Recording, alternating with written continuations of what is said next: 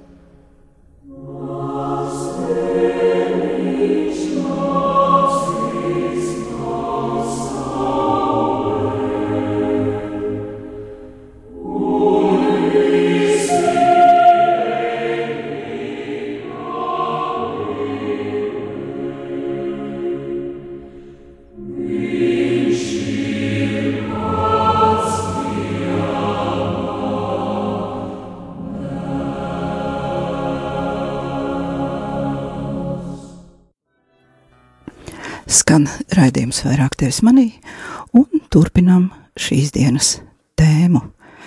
Tātad,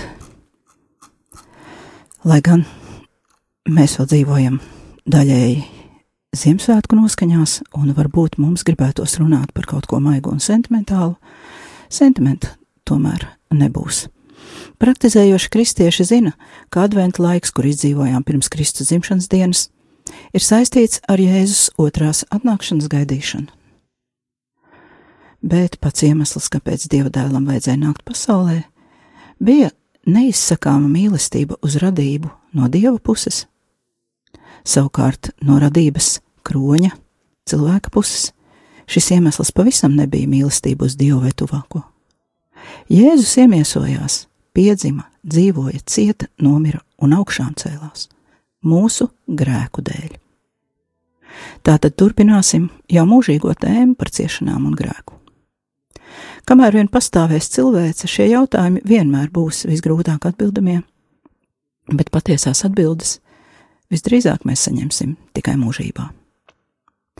Arī 20. gadsimta svētā Edīte Steina savā apcerē par Jēzus piedzimšanu ietver šo ēnas pusi un citējot himnu Gods Dievam augstumos un miers virs zemes labas gribas cilvēkiem atgādina, ka ne visi cilvēki ir labas gribas cilvēki, un ka ar ļaunas gribas cilvēkiem miera nevar būt. Svētā ir realiste. Diemžēl visos laikos ir pastāvējuši šie ļaunas gribas cilvēki.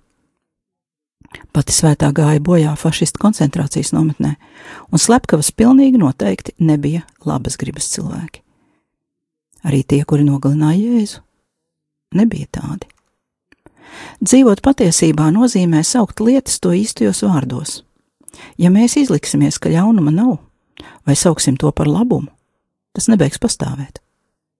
Protams, mums vajag mek nevajag meklēt skarbāru brāļa acī, taču ir jāatzīst, ka pastāv objektīvs ļaunums, un mums ir jāmācās kļūt svētiem tādā pasaulē, kāda tā ir.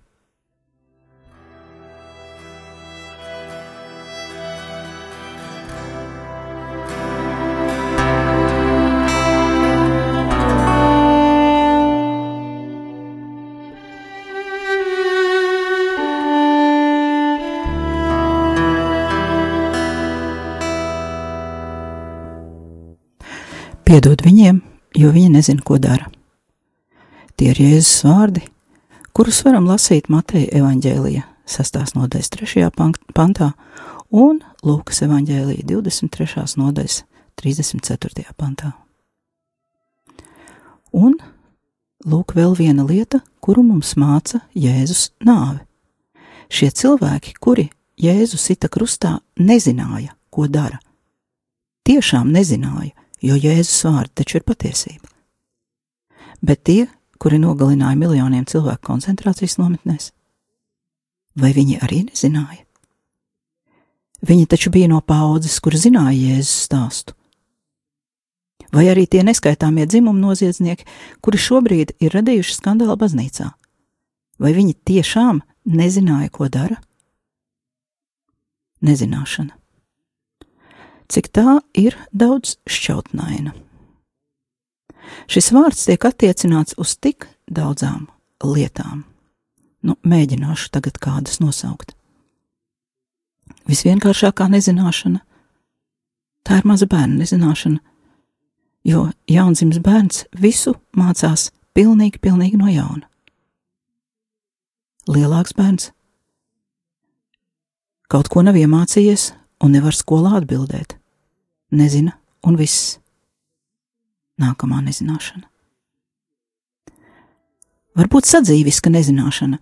Piemēram, cilvēks izmaks, izmazgā vilnas drēbes fermentu pulverī vai izvāra krāsainas drēbes un tas sabojā. Pārvāra kartupeļus, nezina, kā izvārīt mīkstu olu un baksta to ar dakšiņu, jautā, cik ilgi jāvāra augstā zupa, vai kur nopirkt rozā krējumu, lai uztaisītu siļķi kažokā. Nu, Tādu nezināšanu arī esam redzējuši, gan jau. Faktu nezināšana, kas dod iespēju manipulēt ar cilvēku domām, uzskatiem un viedokļiem.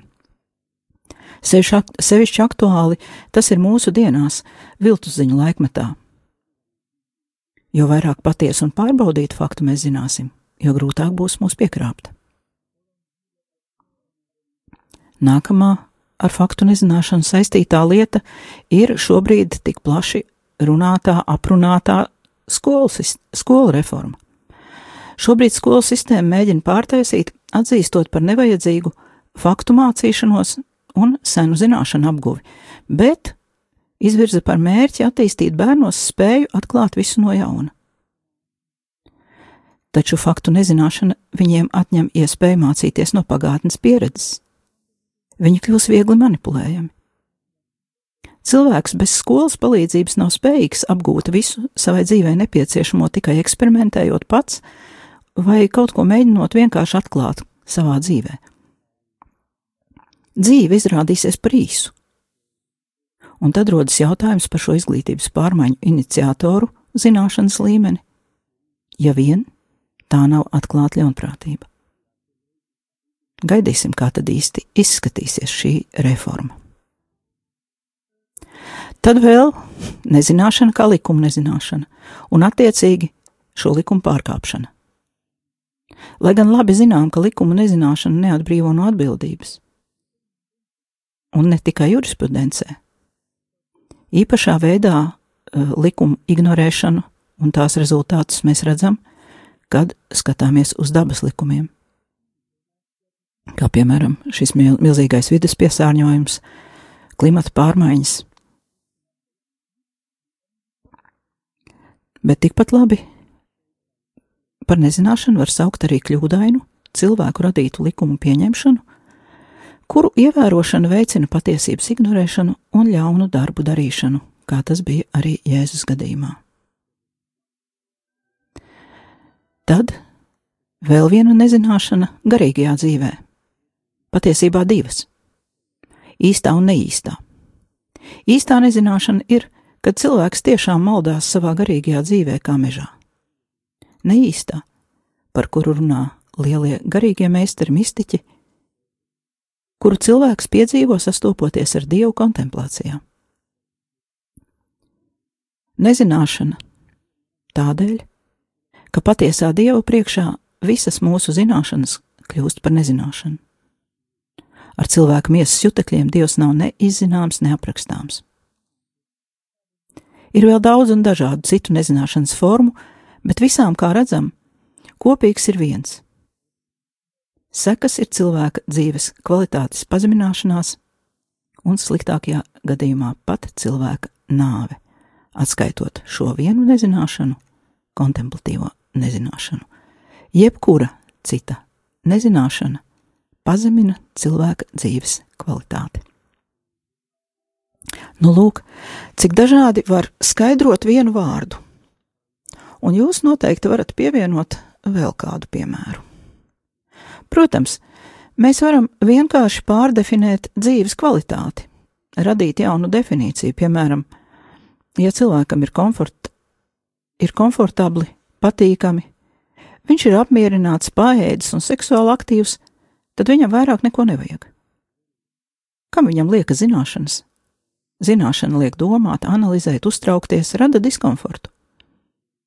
Varbūt varam vienkārši likvidēt jēdzienu nezināšanu un aizstāt to, piemēram, ar vārdu kompetence. nu, tas tāds melns humors. Jā, bet tomēr laikam gan tik vienkārši nebūs viss. Zinošs cilvēks ir neērts. Viņš traucē, uzdod jautājumus, uz kuriem negribas atbildēt, jo patiesība var izrādīties briesmīga. Zināšana var radīt vēlmi uzzināt vairāk, kļūt sabiedriski vai politiski aktīvam, un zināšana uzliek arī milzīgu atbildību.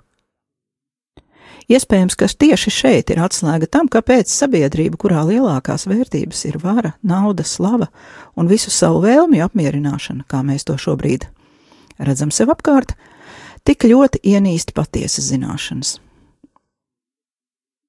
Nezinošu cilvēku ir viegli manipulēt, pakļaut, izmantot, jo viņš nesaprot, ko ar viņu dara. Un arī, ko dara pats. Tad ir viegli attaisnot sevi un pieprasīt sev atdošanu, nevis lūgt un nožēlot, bet pieprasīt atdošanu. Jo es, vai viņi, vai viņas, nu taču nezināju, ko dara. Arī zinošam cilvēkam dažreiz ir izdevīgi paslēpties aiz nezināšanas sargājošā priekškara.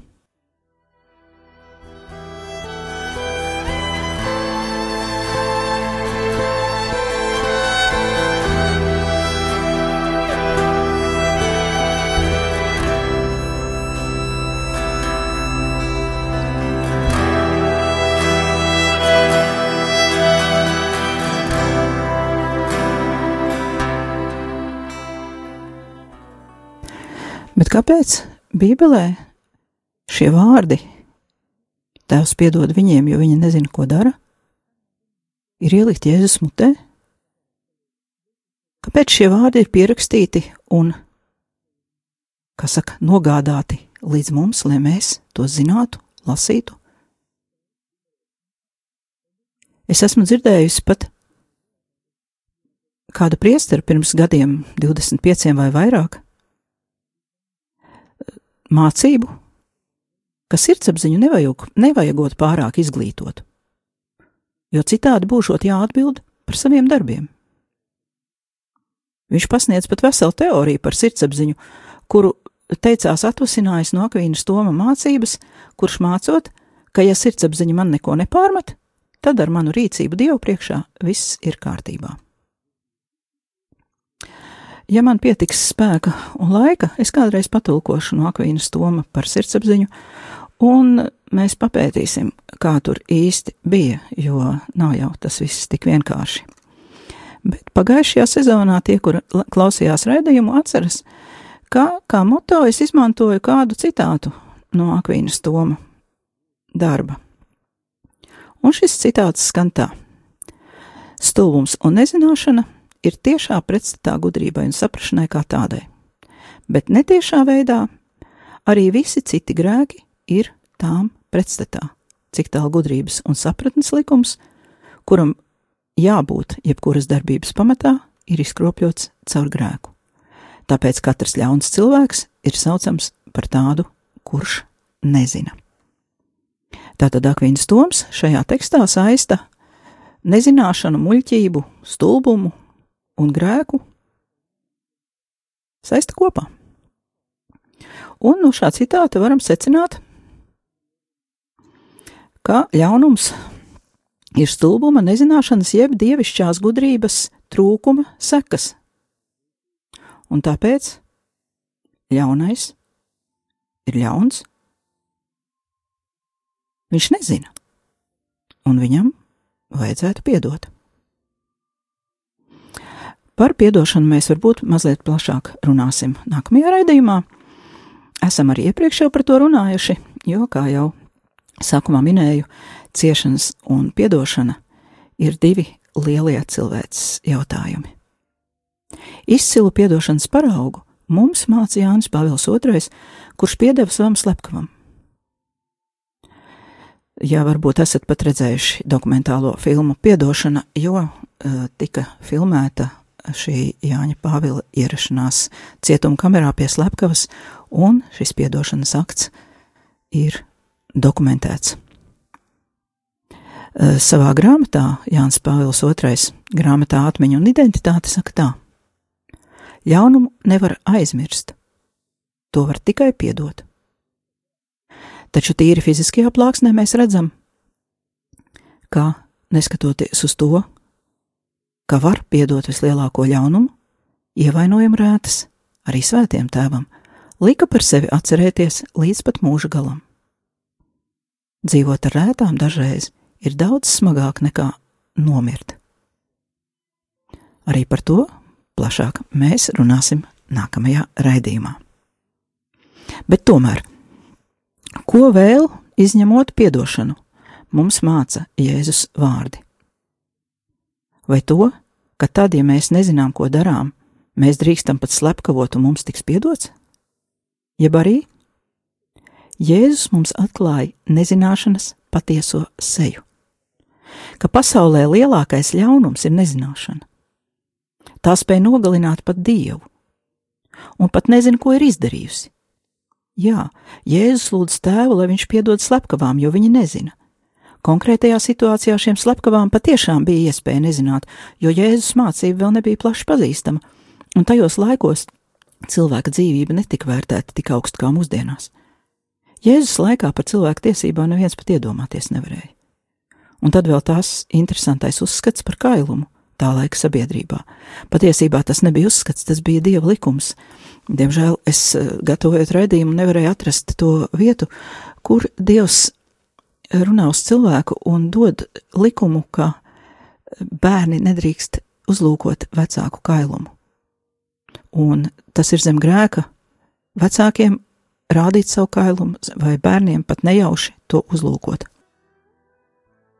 Un uh, par to ir arī to gan es atradu rakstos, par to runā svētie raksti, ka bērnam, ja pat viņš nejauši ierauga vecāku kailumu un nenovēršas momentāli, bet apzināti turpina to uzlūkot vai pat tīksminās par šo faktu, tas viņam tiek ieskaitīts par smagu grēku. E, par šā norādījuma dziļo būtību mēs varam pārliecināties, ja papētām dziļāk krievu valodas etimoloģiju, kura ir dziļi kristīga. Mēs visi noteikti esam dzirdējuši krievu lamu vārdu ham vai hamiķi vai hamstva, kas apzīmē galēji rupju, nepieklājīgu cilvēku vai viņa izdarības. Ja atceramies stāstu par Nāsu šķirstu, viņa dēls Hams ieraudzīja tēva kailumu, un tas ir aprakstīts pirmajā mūzes grāmatā, 9. nodaļā, sākot ar 21. pantu. Un Noā dzēra vīnu, un viņš piedzērās, un gulēja kails savā teltī. Kad Hams, Kanāna tēvs, redzēja savu tēvu kailumu, viņš to pateica saviem diviem brāļiem. Tad Šems un Jafets paņēma tēva virsvalku un abi uzlika to uz saviem pleciem un atmuguriski iegāja un apsedza savu tēva kailumu, savas sejas nogriezdami tā, ka tie savu tēva kailumu neredzēja. Kad Noa pamodās no savas kurbuma, tad viņš dabūja zināt, ko viņa jaunākais dēls tam bija nodarījis, un viņš sacīja: lai kanāns ir nolādēts, lai viņš kļūst par vergu savu brāļu vergiem. Lūk, cik nopietns grēks bija šī kailuma uzlūkošana bezkaunīgā veidā, un redzam, kā šie divi vecākie brāļi novērsās. Šis likums, kurš sākotnēji attiecās uz fizisko kailumu, vēlāk tika lietots jau garīgā simboliskā nozīmē. Piemēram, raudu dziesmās pirmā nodaļa astoņi, grēkodama grēkoja Jeruzālemi, tādēļ kļūsi kā sārņaina sieva. Visi, kas viņu cienīja, tagad to nicina, tāpēc, ka redz tā skailumu. Arī pati tā vaidu novēršas. Savukārt Ezekēla 16.36 un tālāk. Tā saka Dievs tas kungs, tāpēc, ka tu esi bijusi tik devīga ar līdzekļiem un pati ar sevi, un tāpēc, ka tu tik viegli esi atsegusi savu kailumu saviem mīļākajiem, kā arī savu riebīgo elku dēļ un tavu bērnu asiņu dēļ, ko tiem atdevi. Tad es sapulcināšu visus tavus mīļākos, pret kuriem tu biji iedegusies kaislībā, kā arī tos, kas tev kļuvuši pretīgi. Es tos sapulcināšu no visām pusēm ap tevi un atsekšu viņu priekšā tavu kailumu, lai tie redz visu tavu negodu. Un tad es tevi tiesāšu pēc laulības pārkāpēju un asins izlējēju likumiem un izliešu tavas asins bargās dusmās. Lūk, tā tik nopietns tika uzskatīts šis grēka, kailuma atklāšanas, demonstrēšanas grēks. Un vēl Ezehiela 23. Tie atsedz viņas kailumu, atņēma viņas dēlus un meitas un nokāva viņu pašu ar zobenu. Tā viņa palika par apsmieklu un baigu paraugu sievu starpā, kad sods bija izpildīts. Kāpēc runāju par to? Jo uzlūkojot Jēzus nogalināšanu, mēs redzam, kādas iespējas šis likums dod cilvēkiem, kuriem nav nekādas iekšējās kultūras, nekādu bremžu, toties ir formālas likuma zināšanas un prasme šos likumus izmantot pēc savām vajadzībām. Pašu dievu var nogalināt ar viņa paša doto likumu. Vai tā ir īsta nezināšana?